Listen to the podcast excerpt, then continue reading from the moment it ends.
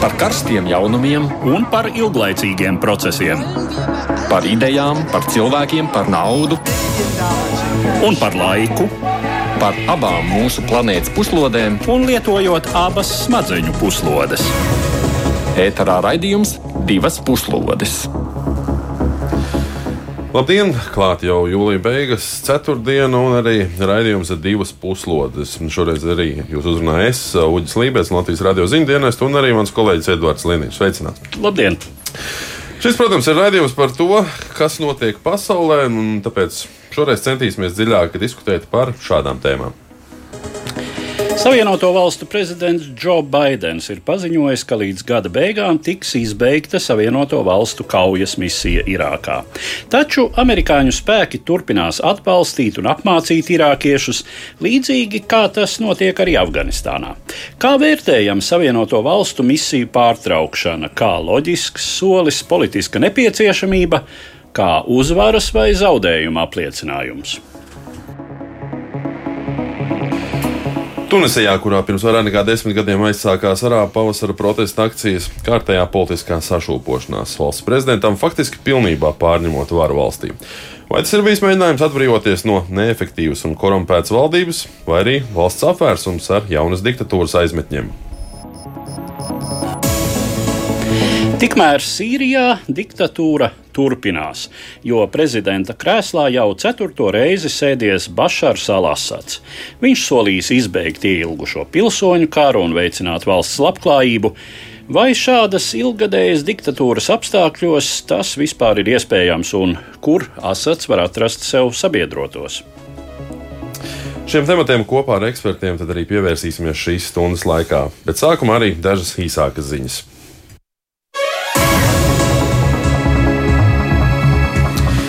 Joprojām turpinās migrācijas krīze uz Baltkrievijas un Lietuvas robežas. Simtiem migrantu ikdienu neatļauts šķērso abu valstu robežu, un Lietuvas varas iestādes arvien aktīvāk domā par ārkārtas situācijas izsludināšanu pie robežām. Kā paziņoja Lietuvas prezidents Gitens Nausēda, pirms šāda lēmuma pieņemšanas gan jāizvērtē visas iespējamās juridiskās sekas. Savukārt premjerministre Ingrīda Šimonīta uzsver, ka arī Eiropas Savienībai aktīvāk jāiesaistās jaunā migrācijas maršruta bloķēšanā. Tikmēr Lietuvas iekšlietu ministrija uzsākusi izmeklēšanu par dezinformācijas izplatīšanu. Tā saistīta ar ziņām par it kā valdības plāniem izveidot migrantu izvietošanas centrus. Ministrija uzskata, ka šādas ziņas tiek apzināti izplatītas, radot iedzīvotāju neapmierinātību un iespējamos protestus. ASV prezidents Džo Baidens apsūdzējis Krieviju mēģinājumos izjaukt 2020. gada gaidāmās kongresa vēlēšanas, arī izplatot dezinformāciju. Runājot par informāciju, viņš, kā ko viņš kā prezidents saņemot katru dienu, Baidens norādījis, ka tas ir skaidrs ASV suverenitātes pārkāpums. Pēc Baidena vārdiem Krievijas prezidentam Vladimiram Putinam esot īsta problēma, jo viņš vada ekonomiku, kurai ir kodolieroči un nekas cits. Viņš arī zinot, ka viņam ir īsts nepatikšanas, kas padarot viņu vēl bīstamāku. ASV prezidents arī paudis bažas par kiberuzbrukumu skaita pieaugumu pēdējā laikā, tostarp izmantojot dažādas izspiedēju programmas, hakeriem šifrējot upuru datus un pēc tam pieprasot izpirkuma naudu par pieejas atjaunošanu šiem datiem. Bet tikmēr Polijas premjerministrs Mateusz Moravieckis paziņoja par jaunas aģentūras izveidošanu cīņai ar kibernoziedzību. Aģentūra ar pilnu jaudu sāks darboties ap 2025. gadu un nodarbinās aptuveni 1800 cilvēku. Jūnijā Polijas valdība paziņoja, līdz, par līdz šim nepieredzētu un plašu mērogu kiberuzbrukumu Polijas politiķu e-pasta kontiem. Daļa vēstuļu vēlāk tika nopludināts arī vietnē Telegram.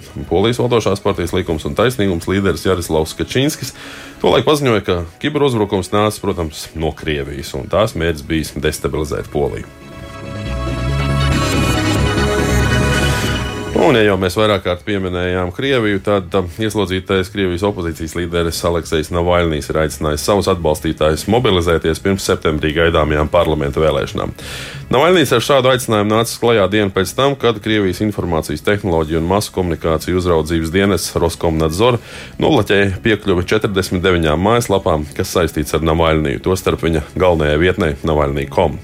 Navaļnī sabiedrotie prognozēja, ka varas iestādes drīz vērsīsies arī pret mājaslapu gudrā balsošana, kas popularizē balsošanu par kandidātiem, kuriem ir lielākās izredzes sakaut ar Kremla saistītos politiķus. Tik tālu šīs nedēļas notikuma pasaulē, bet tagad gan par sākumā minētajiem tematiem plašāk un vispirms par ASV spēku aiziešanu no Irākas un arī no Afganistānas. Pagājušā gada janvārī Irākas parlaments pieņēma rezolūciju, kas uzdeva valdībai rīkoties, lai panāktu visu ārvalstu kauju spēku izvešanu no Irākas. Ar šiem ārvalstu spēkiem acīm redzami domāts Savienoto valstu vienības, kuras dislocētas Irākā kopš tās okupācijas 2003. gadā. Pēc šīs rezolūcijas pieņemšanas ASV prezidents Donalds Trumps sākotnēji draudēja Irākai ar sankcijām, taču drīz pēc tam tika paziņots, ka tiks uzsākts dialogs ar Irākas valdību par amerikāņu un to sabiedroto spēku kaujas vienību izvešanu, tajā pašā laikā pastiprinot Irākas drošības spēku apmācību. Līdz šim notikušas vairākas tā saucamo strateģisko sarunu kārtas, konkretizējot pakāpenisku amerikāņu spēku izvešanas gaitu. Visbeidzot, šo pirmdienu pēc sarunām ar Irākas premjerministru Mustafu Al-Kadīmī Vašingtonā prezidents Džo Baidens paziņoja, ka Savienoto valstu kaujas misija Irākā tiks izbeigta līdz šī gada beigām. Tas gan nenozīmē pilnīgu amerikāņu aiziešanu no Irākas. Cik tālu saskaņā ar prezidenta Baidena teikto, viņi turpinās apmācīt, atbalstīt, palīdzēt un tik galā ar islāma valsti, ja tā uzradīsies. Tāpat prezidents apstiprināja, ka Savienotās valstis turpinās sniegt Irākai plašu humāno un diplomātisko atbalstu, tā skaitā piegādājot Covid-19 vakcīnas. Paziņojums par kaujas misijas izbeigšanu Irākā nav īpaši pārsteidzošs, cik tālu Savienoto valstu spēku klātbūtne šai valstī jau šobrīd ir samērā neliela, un lielākā daļa no tiem jau pat labam darbojas kā militārie instruktori. Līdz ar to var cerēt, ka misijas statusa maiņa nenesīs nopietnas izmaiņas Irākas iekšpolitiskajā situācijā. Citāda, kā zināms, ir situācija Afganistānā, kur Savienoto valstu un to sabiedroto spēku atvilkšana ļāvusi islāma radikāļu organizācijai Taliban izvērst plašu ofensīvu, pārņemot savā kontrolē plašas teritorijas. Afganistānas valdības spēki lielākoties kontrolē tikai provinču galvaspilsētas, strateģiskos objektus un komunikācijas, kamēr lauku apvidi apmēram pusē valsts ir talibu rokās. Pēdējās nedēļās islāmistiem izdevies sagrābt vairākus nozīmīgus robežpunktus, kas tiem ļauj iekasēt nodevas no preču pārvadātājiem. Pagājušo piekdienu Taliban pārstāvis sarunās ar Afganistānas valdību Kataras galvaspilsētā Dohā atkārtoti paziņojis, ka kustība vēlas politisku noregulējumu un cenšas izvairīties no pilsoņu kara. Taču talibu spēku militārās akcijas drīzāk apliecina pretējo.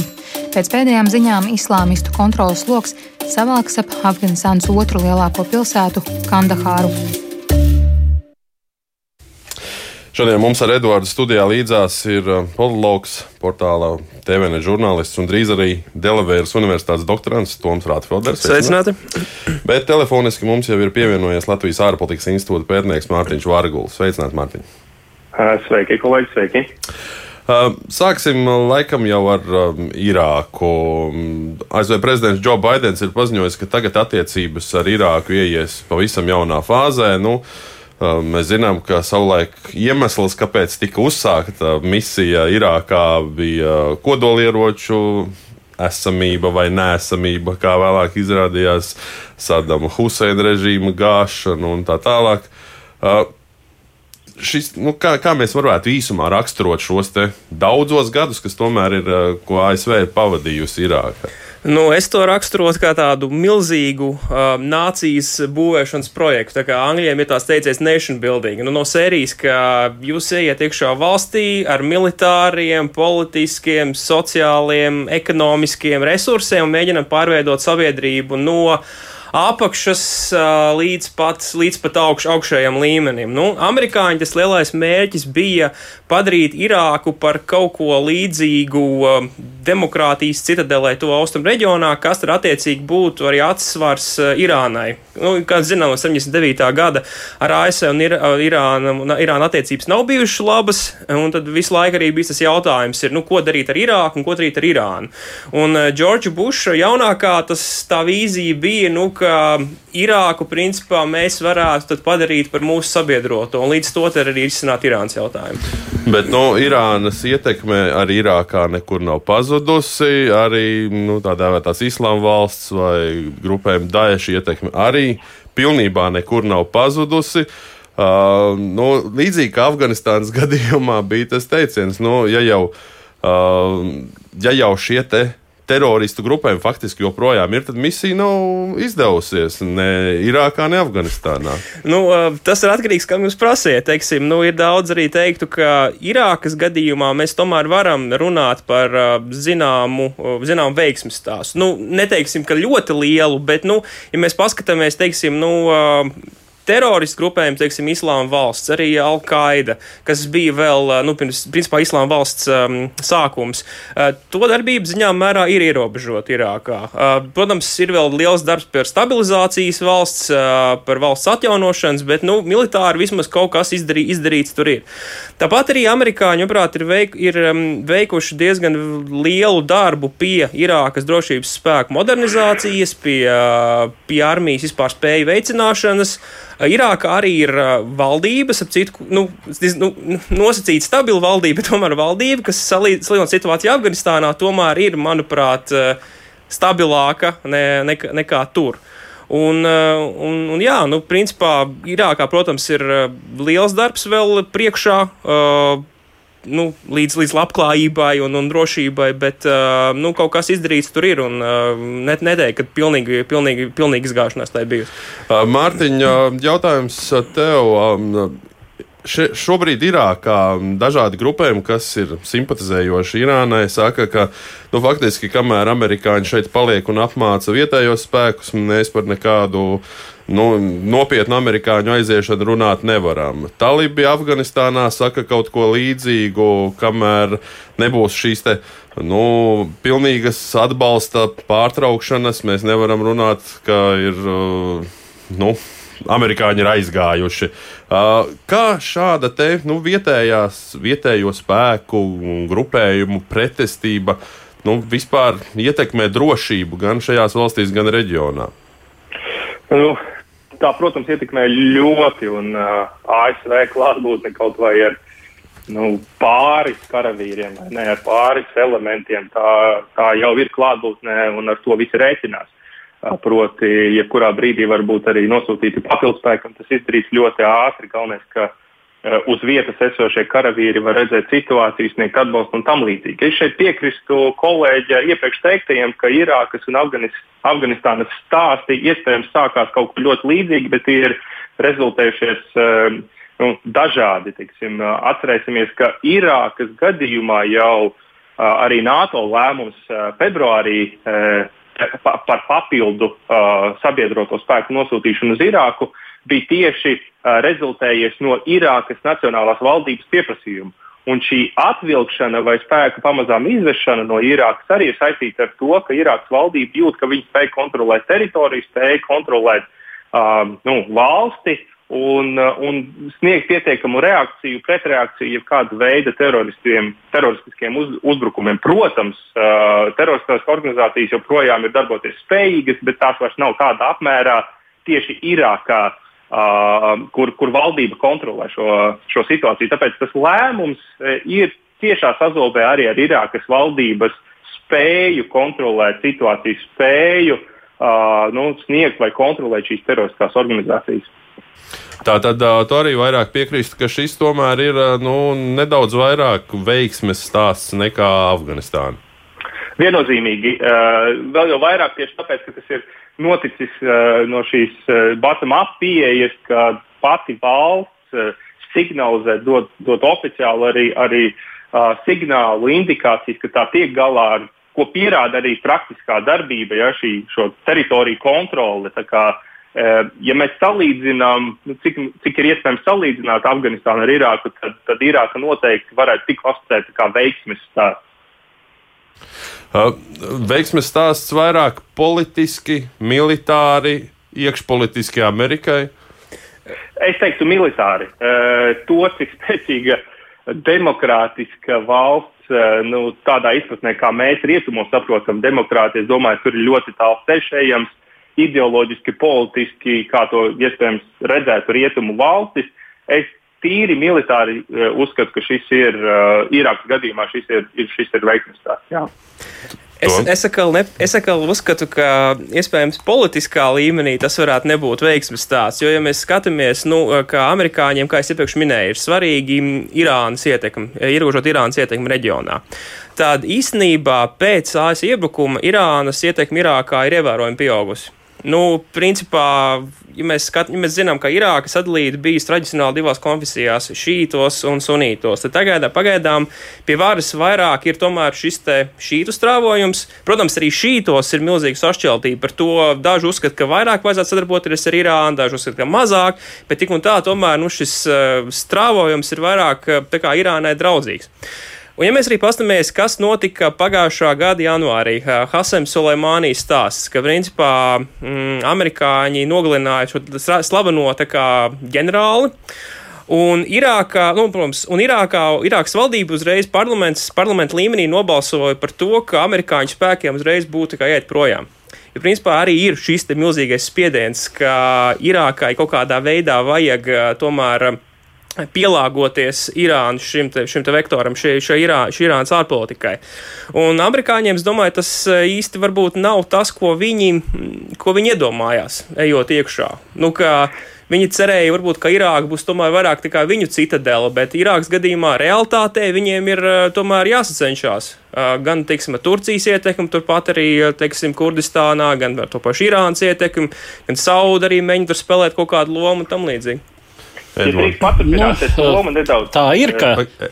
Atvainojos, Mārtiņā, es Ed Edvardam iedošu, tagad varētu. Okay, okay. Tā ir, ka pasaule, ko arī faktiski ir teicis prezidents Baidens, ka pasaule ir būtiski mainījusies pa šiem 20 gadiem, kopš Savienotās valstis uzsāka savu klātbūtni Irākā Un uh, toreiz tie motīvi bija pavisam citi. Cik nu pamatoti, cik nepamatoti, tas ir cits jautājums.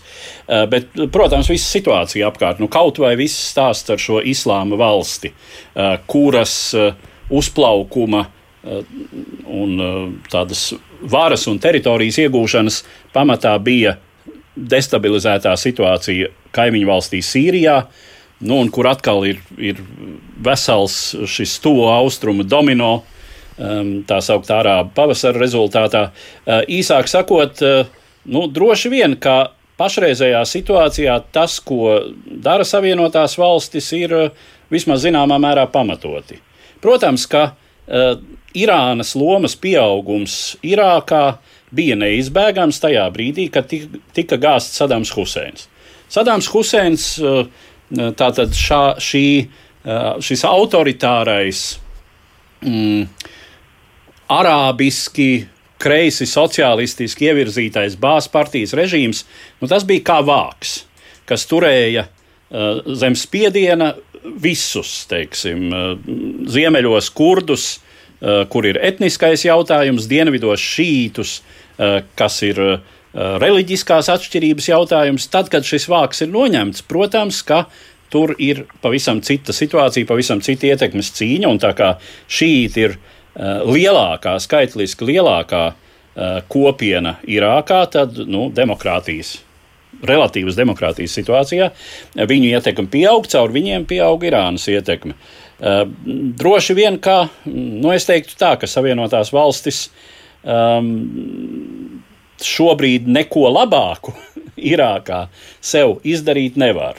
Um, ir salīdzinoša stabilitāte, uh, ir tomēr valdība, kas vairāk vai mazāk spēj kontrolēt visu teritoriju, pie kam tā spēj runāt ar dažādiem spēkiem, līdz izlīdzsvarot vairāk vai mazāk šīs ietekmes.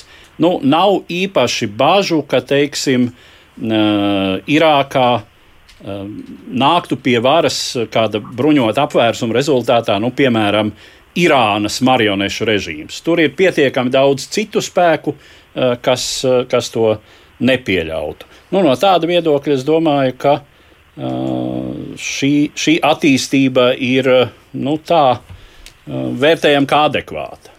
Mārtiņ, to iesāki kaut ko teikt? Jā, ļo, ļoti līdzīgi es gribētu turpināt tā to, to, ko kolēģis iepriekš teica, un papildinot eh, par ASV politiskām vai militārām uzvarām, es uzskatu, vēlreiz, ka Irāka no tādas militāras perspektīvas, vai pareizāk sakot, apslāpējot um, Daesh terorisko organizāciju un to izplatību vai, vai dažāda veida uzbrukums tieši veicot no šī reģiona, tad mēs redzam, ka tas ir mazinājies. No tādas perspektīvas tas ir veiksmīgs. Skatoties no ASV darbībām reģionā, protams, ir jauni vai, vai joprojām spēkā esoši vairāki varas centri, aktori, kuri, kuri izaicina ASV, kuri ar vien vairāk un vairāk grib spēlēt uh, lomu. Un tāpat Irāna, protams, Saudārābija, Krievija, Turcija, Pakistāna, kas līdz ar uh, spēku izvešanu no Afganistānas tikai, tikai vairos vai centīsies vairot savu ietekmi reģionā.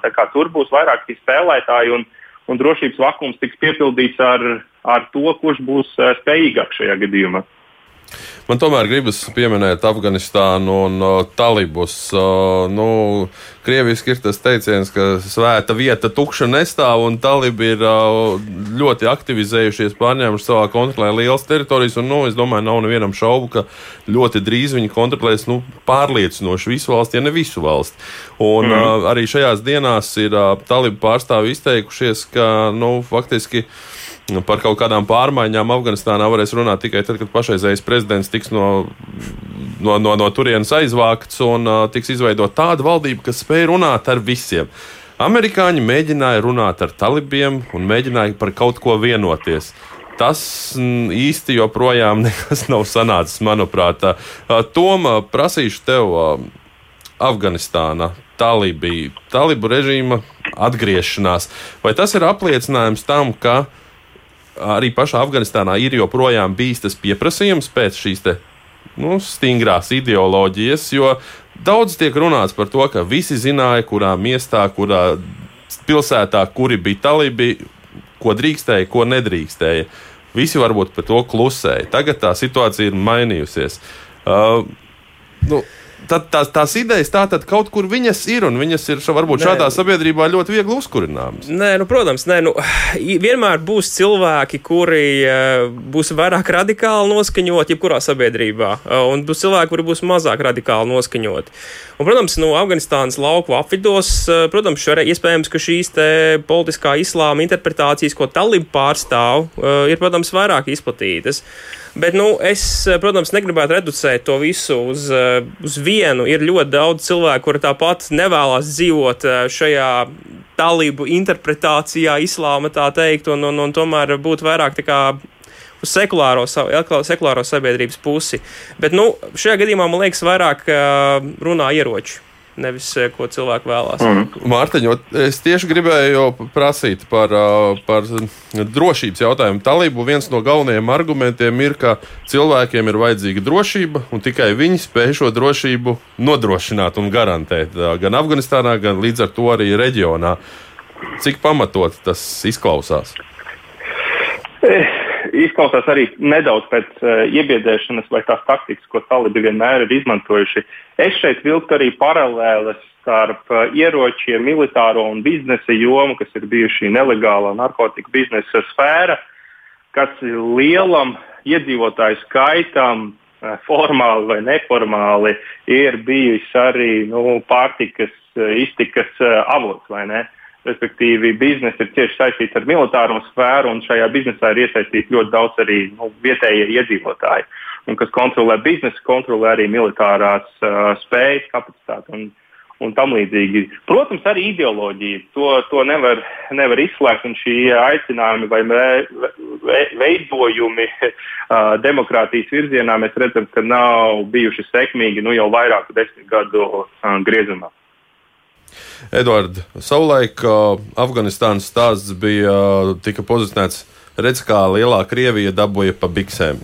Tagad uh, kaut kas līdzīgs tiek teikt, redz, kā lielā Amerika atkal. Nē, nu, pirms tam, pirms tam lielā Britu impērija tur dabūja pa biksēm. Uh, Afganistāna no tāda viedokļa ir pārāk tāla no jebkura sevišķi rietumu varas centra, lai reāli ar tīri militāriem līdzekļiem šo teritoriju turētu Uh, ilgstoši pakļautībā.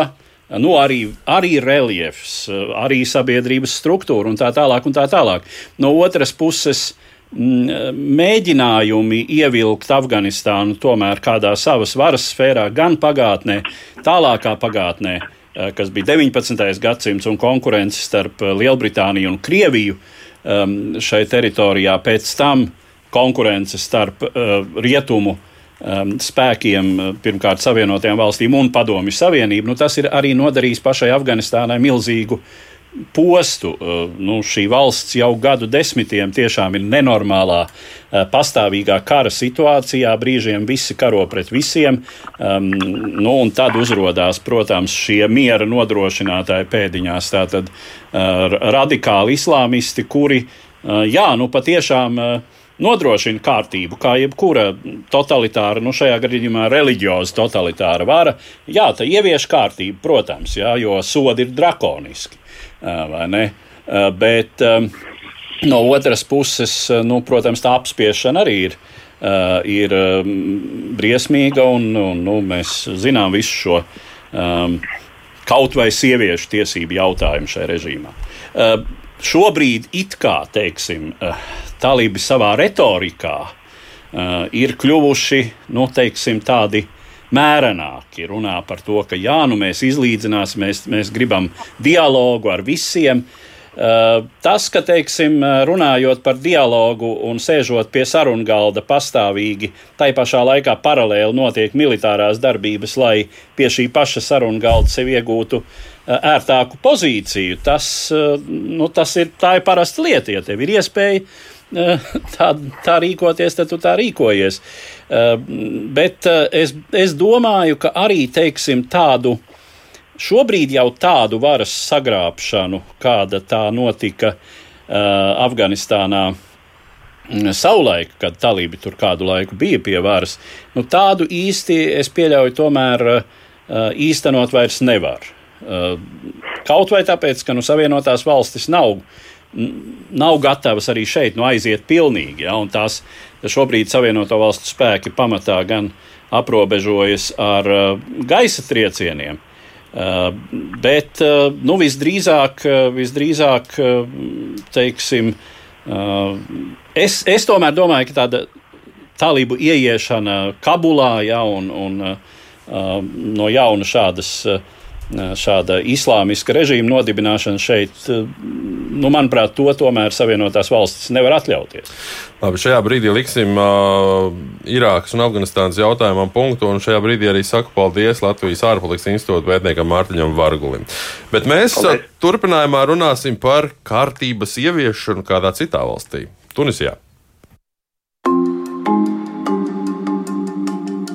Arābu pavasara kustība, kas satricināja visu tuvo austrumu reģionu, 2010. gadā aizsākās ar masu protestiem Tunisijā, un Tunisija līdz šim tika uzlūkota kā Arābu pavasara pozitīvais piemērs uz likvidētās vienpartijas diktatūras grupām, izveidojot demokrātisku iekārtu. Tomēr jaunās demokrātijas pastāvīga problēma bijusi valdību nestabilitāte un diezgan regulāri korupcijas skandāli. Šīs problēmas būtiski sāsinājusi globālā pandēmija, smagi skarot Tunisijai ļoti nozīmīgo turismu industriju, un valdībai netiekot galā ar pretpandēmijas pasākumiem, kā rezultātā valsts pašreiz piedzīvo vienu no smagākajiem pandēmijas uzliesmojumiem Āfrikā. Sabiedrības neapmierinātība izlauzās masu protestos svētdien, 25. jūlijā, demonstrantiem pieprasot valdības atkāpšanos un parlamenta atlaišanu, uzbrukot lielākās parlamenta partijas atzimšana birojiem un iesaistoties sadursmēs ar policiju.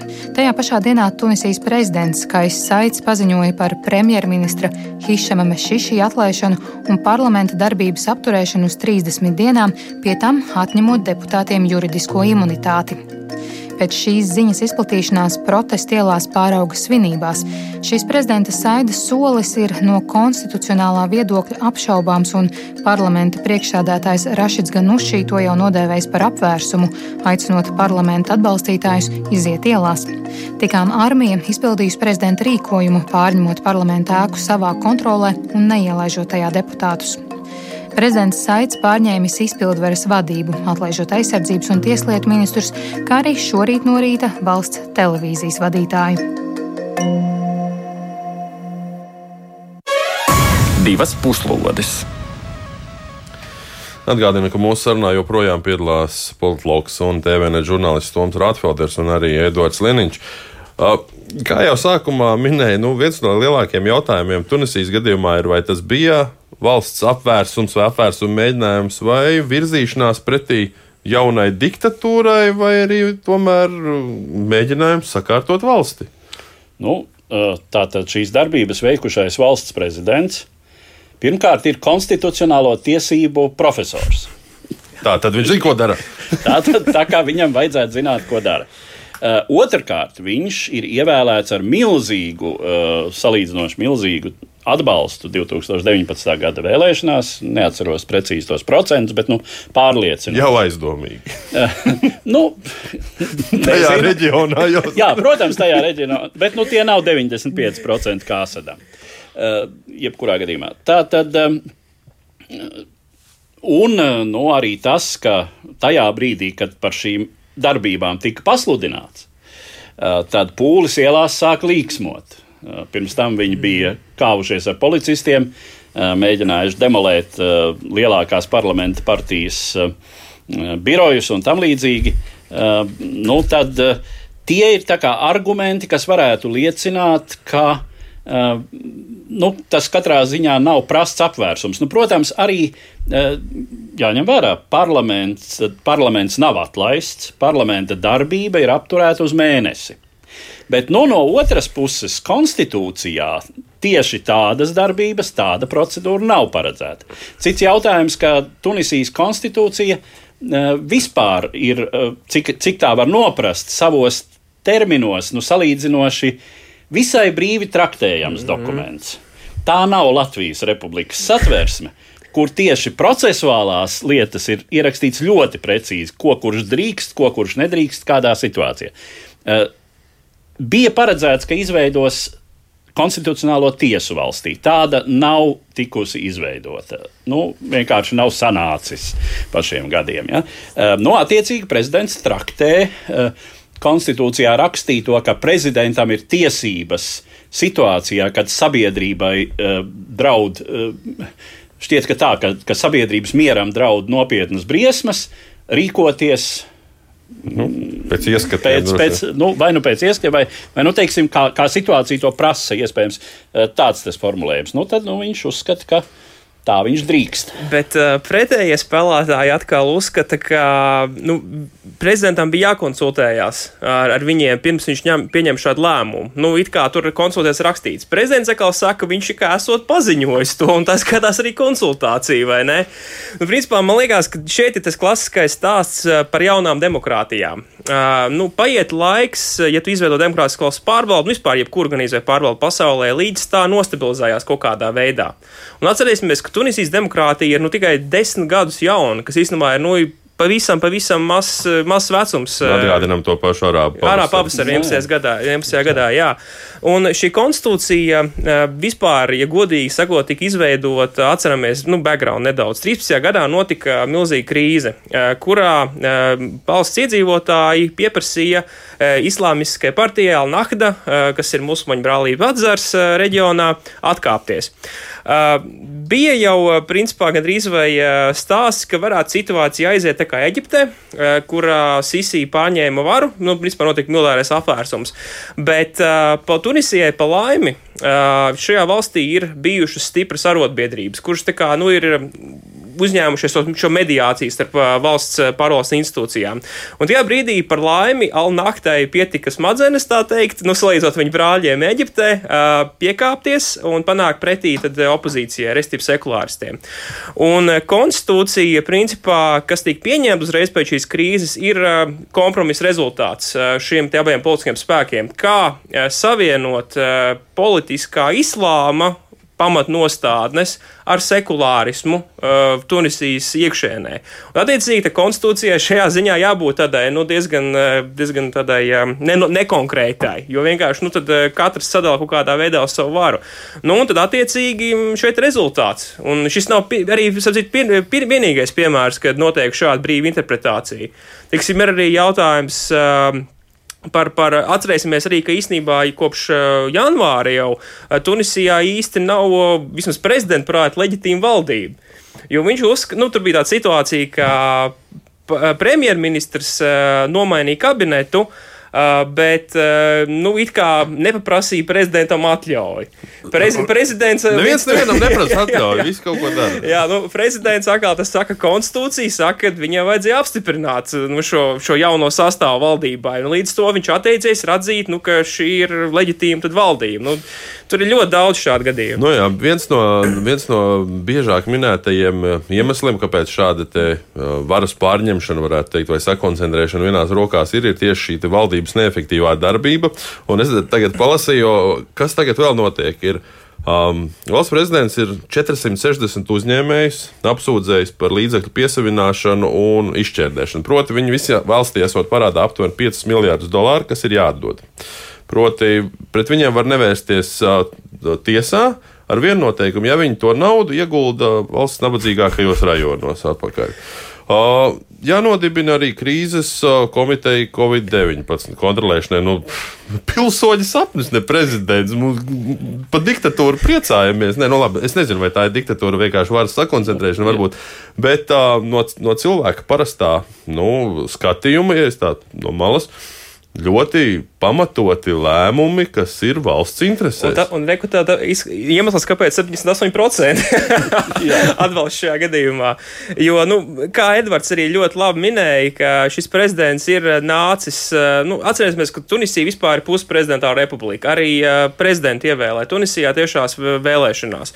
Un viņš nācis arī kā outsiders nu, kā cilvēks, kurš uh, iz, iz, um, izsvēpēs visu šo, šo sistēmu, korumpēto vai ne, kurš uh, ir gatavs veikt radikālas pārmaiņas, veikt radikālas reformas.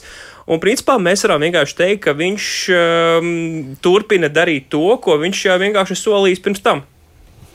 Nu, ar Tunisiju ir tas uh, no vienas puses uh, stāsts, ka jā, visas jaunas un uh, nenobriedušas demokrātijas vainas, tā skaitā vājas, īslaicīgas valdības un valdības ar problemātisku rīcības spēju. Um, bet, uh, kā zināms, Tunisija nav ne tuvu vienīgā valsts pasaulē, kuras valdībā, valdībai kaut ko tādu pārmet. Uh, sevišķi Covid situācijā. Uh, bet no otras puses, līdz šim Tunisijā nav bijis uh, ļoti nopietnu, asiņainu pilsonisku konfliktu. Arī tas, kas par Tunisiju vēsturiski tiek teikts, jā, protams, diktatūra, vienpartijas diktatūra lielāko daļu neatkarības perioda līdz pat šim arābu pavasarim, tajā pašā laikā salīdzinoši modernizēta sabiedrība. Jo tuvu Francijai, bijušajai koloniālajai metropolei vispār salīdzinoši ciešākas saiknes ar Eiropu, um, turisms, tirdzniecība. Uh, un tā tālāk, nu, tuvums, uh, tuvums uh, Eiropas Savienībai tas arī kaut ko nozīmē. Nu, līdzīgi kā varētu teikt, ka nu, līdzīgi kā Maroka, tikai izņemot to, ka nu, Marokā ir monarha vara, kas to visu tur zināmā. Tas varētu būt arī rāmī. varbūt izskaidrojums, kāpēc mums vispār par Tunisiju būtu jāinteresējas. Šī ir tieši šis te tūms. Īstenībā par Tunisijas vēsturi ir vēl viens ļoti interesants fakts. Man pašam arī bija veiksmi 18. gadā pabūt Tunisijā, un viņi ļoti lepojās to, ka viņi ir Kartāgas mantinieci. Ja mēs atceramies, nu, kad Romas Jā. bija Romas republika, Kartāga, Hanibals, abi divi karoja. Un varbūt tas arī kaut kādā veidā liecina, nu, ka viņi tomēr redz kaut kādā ziņā sevi arī daļa no, no, no, no šiem te vismaz no vidusjūras vēstures, kas arī, protams, saistīta ar Eiropas vēsturi. Un, jā, nu, Tunisija, kāpēc par to būtu jārunā? Nu, man liekas, vispār ir svarīgi, kas no Eiropas Savienībai, kas notiek tuvajos austrumos, jo, nu, pirmkārt, mums ir vairākas intereses tur. Pirmkārt, bēgļi, Otrakārt, nu, stabilitāte, terorisms, un, protams, ja ir kaut kāda nestabilitāte, kādā arī šeit, gadījumā Ziemeļāfrikas valstī, mēs kaut kādā ziņā jau izjutīsim to. Nu jā, un eh, runājot par šo eh, partiju alnahda, jeb eh, atzimšanu, tā to varētu tulkot. Jā, tās saknes ir kaimiņos esošās, netālu esošās Eģiptes šai musulmaņu brālības kustībā. Tajā pat laikā, nu šobrīd šī partija vismaz oficiāli sevi pozicionē, eh, ka tie vēlas būt mēreni eh, islāmisti un līdzināties, kā viņi saka, eh, nu, Turcijas pie varas esošajiem spēkam, kas, nu, jāsaka, no Uh, Eiropas viedokļa un normu, teiksim, demokrātisko normu viedokļa jau arī nav, nekāds, nav nekāda medus maize. Es, es, pat esmu, es pat esmu dzirdējis salīdzinājumu ar kristīgiem demokrātiem, kas jā, jā, ir Vācijā. Nu, tas tā tas... nosacīja. jā, mēs tādi, mēs tādi konservatori. Normāli konservatīvie tikai islāmisti. Jā, nu, teiksim, viņa programmā ir uh, ekonomiskais liberālisms. Uh, tas viņiem ir diezgan izteikti. Uh, bet, uh, nu, par viņiem saka, ka ta, viena lieta ir, ko deklarē un ko stāsta, un cita lieta ir varbūt, ko darītu tad, ja tiktu parlamentā pie uh, vairākuma. Bet nu, tas viņiem īsti nesanāk. Viņam laikam ir uh, šobrīd vai mm, starp ceturto un trešo daļu no deputātu vietām. Nāktu vispār interesanti tas, ka arī, manuprāt, viņu iekšienē ir tāda neliela pretruna, nu, kompromiss, politiskā kompromisa vārdā. Cik ļoti mēs piekāpjamies sekulāristiem un atkāpjamies no tā, ko mēs uh, esam pauduši programmā. Nu, šī politiskā, islā, politiskā islamizācija Tunisijā. Un tad daudziem, arī nu, vismaz pārā pavasara pirmsākumos, bija, ka daudz teikt, ja mēs ejam uz vienu roku ar sekulāristiem, kompromisu kompromisa vārdā, vai mēs gadījumā nu, nenododam Dievu, Allah, kurš tā kā ir, nu, principā, to ideoloģiju, kurā, uz kur pamat mēs vispār esam veidojuši šo partiju. Jā, un pēc arābu pavasara, arābu pavasara laikā, kas faktiski sākās Tunisijā, Jā. tas bija tas palaidē mehānisms tieši tur, mm. uh, tad um, nu, bija tendence un, un tieši šai Alnahdas partijā, uh, ka nu, ieviesīsim šariāta likumus tagad un uh, būs nu, vismaz tāpat kā Irānā. Bet tas neizgāja cauri. Tomēr sabiedrība ir sekularizētāka Tunisijā un kaut ko tādu ir grūtāk, ir grūti, nu, faktiski acīm redzot, to īsti nevar izdarīt Ēģiptē. Uh, tas gandrīz notika, bet to novērs militāristi. Uh, nu, arī tur gāja ielās. Nu, un arī, protams, jā, sabiedrība bija, mm. bija pret.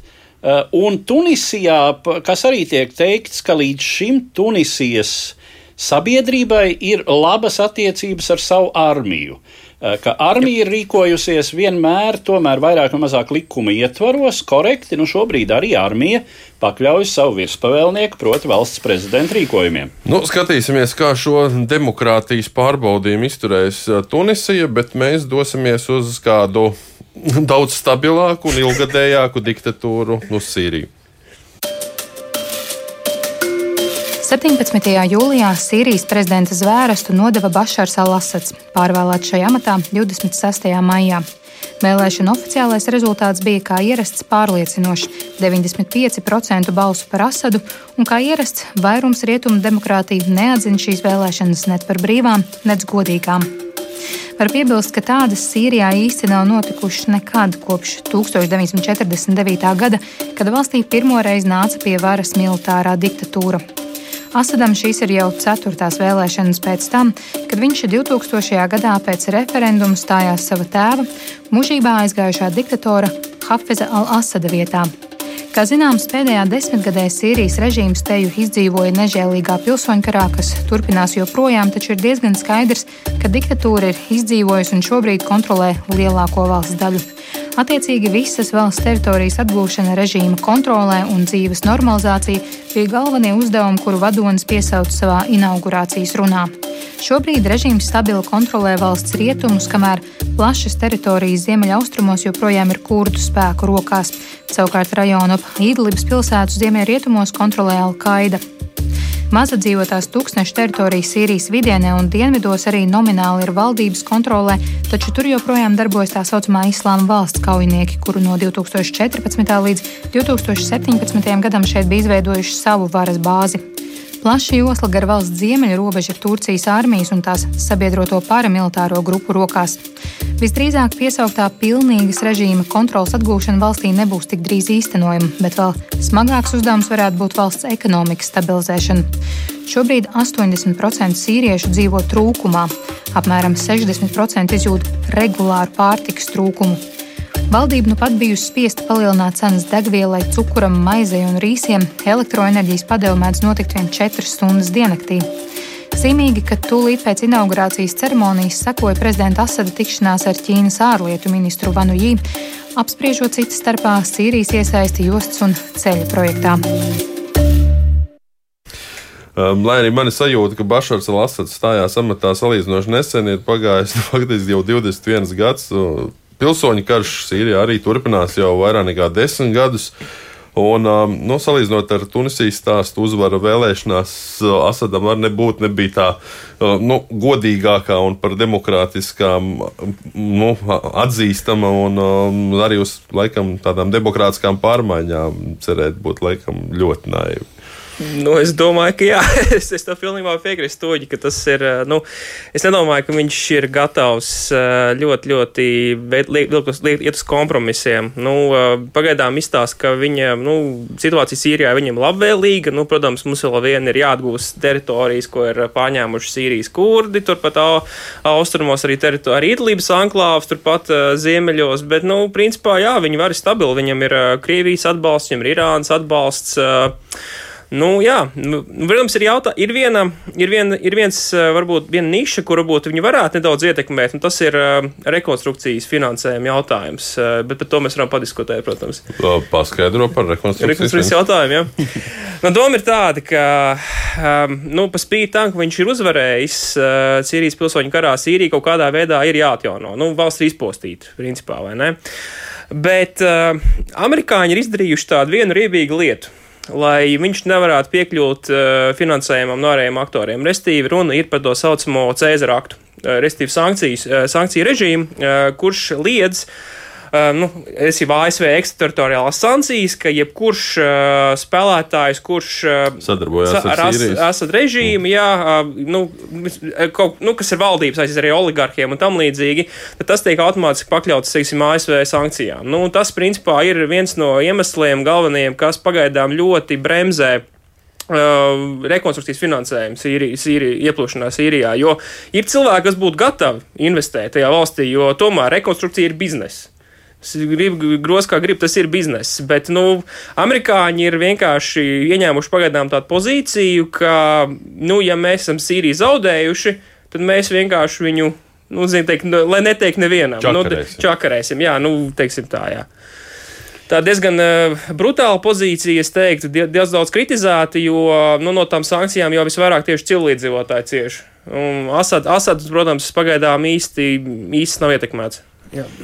Nu jā, un eh, tas, ko mēs arī redzam visā šajā ainā, nu, ja teiksim, eh, Savienotās valstis nē, ja citas rietumu valstis nē, eh, nu, te gan ir grūti spriest, nu, cik, teiksim, mm, šīs sankcijas attiektos uz kaut kādiem tīri civilās infrastruktūras atjaunošanas projektiem, nu, kas cilvēkiem ir akūti nepieciešami. Nu, ja teiksim, elektroenerģijas nav lielāko diennakts daļu vai nu, tajā reģionā arī ļoti būtiski ūdens, kanalizācija, tam līdzīgi. Eh, vai tajā gadījumā arī, teiksim, eh, tiktu vērstas šādas sankcijas neierobežot, bet eh, jebkurā gadījumā, ja tie nebūs rietumu uzņēmēji, tad gribētāji jau mēs redzam ir.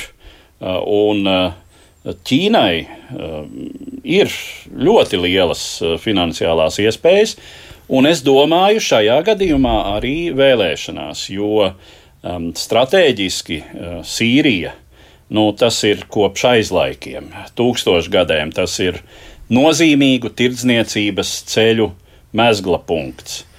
Teiksim, tā ir varbūt tā visīstākā vieta, kur šim zī, jaunajam zīda ceļam, kur arī vecais zīda ceļš faktiski sasniedza Eiropas kultūras sfēru, tātad šie tuvie austrumi. Ja, vidusjūras austrumu piekraste, nu tad jaunajam zīda ceļam tā, tas nu ir īstais gala zīda punkts. krustojums. Citu, arī interesi Sīriju atjaunot ļoti ir arī mūsu austrumu kaimiņam, Krievijai kur arī ir nu, ieinteresēti stabilizēt Sīriju ar Asadu priekšgalā.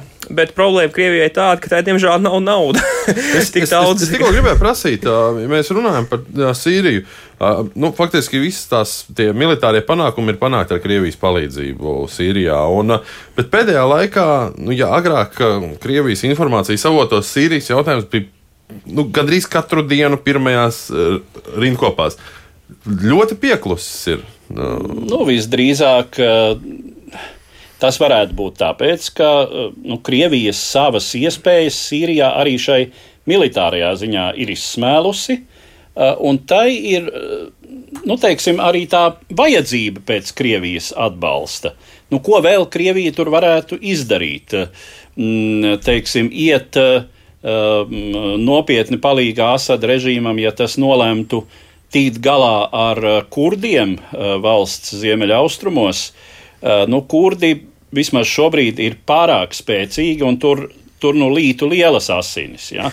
Plus Jā. arī Krievija koordinējās diezgan ļoti ar, ar, ar kurdu spēkiem Sīrijā. Viņi mēģina kā, nu, balansēt gan starp Asadu, gan starp kurdiem. Un, tāpēc arī kurdi dažkārt ir tādi nedaudz nodot jutuši, jutušies, ka, nu, kad ar, no, no, no Turcijas puses, estīvi, kad dažkārt arī Krievi tur ir atļāvuši Turcijai tur paplosīties, tur kurdu teritorijās un tam līdzīgi. Tā kā, jā, un tas jā, arī jā. šis Krievijas-Turcijas interešu balansējums, ko arī nav sevišķi sevišķi izdevīgi plaši reklamēt Krievijai, jo Krievijai Sīrija faktiski bija pirmais punkts, kur nepārprotami Krievijai nācās rēķināties ar Turciju un zināmā mērā pat Turcijai piekāpties. Nu, vai katrā ziņā rīkoties ļoti uzmanīgi. Nu, tad tagad parādās citi punkti, kas jau ir aizkaukās, vai ne? Mēs zinām situāciju ap Kalnu Karabahu. Eh, un, eh, nu, tās nav tēmas, kuras, eh, kuras būtu ļoti izdevīgi afišēt propagandā. Jā, Krievi, Krievijai ar NATO jāsadarbojas. Bet, nu, es nezinu, droši vien jau kaut kur ir izskanējis. Kāda ir bijusi maksa no Sīrijas puses par šo Krievijas atbalstu? Droši vien jau kaut kāds parāds būs jāsāk atdot. Nē, nu, zigā, pirms Sīrijas pilsoņu kara Asadam bija manevrēt spēja daudz lielāka. Starp, starp spēlētājiem. Nu, protams, viņam draugs bija Irāna, kā vienmēr ir bijis, arī Krievija, protams, draugs bijis, bet viņš tomēr, nu, spēja kaut kādā veidā to viņu milzīgu ietekmi izlīdzsvarot citiem spēlētājiem. Viņš bija, kas bija draugos arī līču valstīm vairākām un tam līdzīgi. Tagad uh, pilsoņu karjeros viņš palicis pilnībā atkarīgs. No, no, no viņa atbalsta. Un tāpēc man liekas, tā arī ir Asada lielākā politiskā cena ka viņš ir palicis pakļauts, varētu teikt, vai, nu, žēlastībā ārē, ārējiem faktoriem, ārējiem faktoriem vairāk, ka viņš pats kā nav vairs tik ļoti spējīgs uh, izbalansēt uh, ietekmes, kas iet, iet viņa valstī iekšā. Bet, ja mēs skatāmies pirms 20 gadiem, Bašārs Alasats, jauns perspektīvs, uh, prorietumniecisks, dažbrīd uh, līderis, uh, kas stājās savu tēva nu, faktiski pēdās. Tika liktas lielas cerības. Uh, viss tika salaists diezgan lielā dēlī. Uh, vai tā ir nu, tieksme pēc varas neapmierināma vai vēlme palikt pie varas? Nē, no Asads, Asads bija tur, kur viņš bija. Uh, Asads bija, uh, Asads, protams, kā politiska figūra pārstāv zināmus spēkus, uh, kas ir ap šo režīmu koncentrējušies. Kas, Vai politiskie režīmu... spēki pārstāv Asada ģimeni?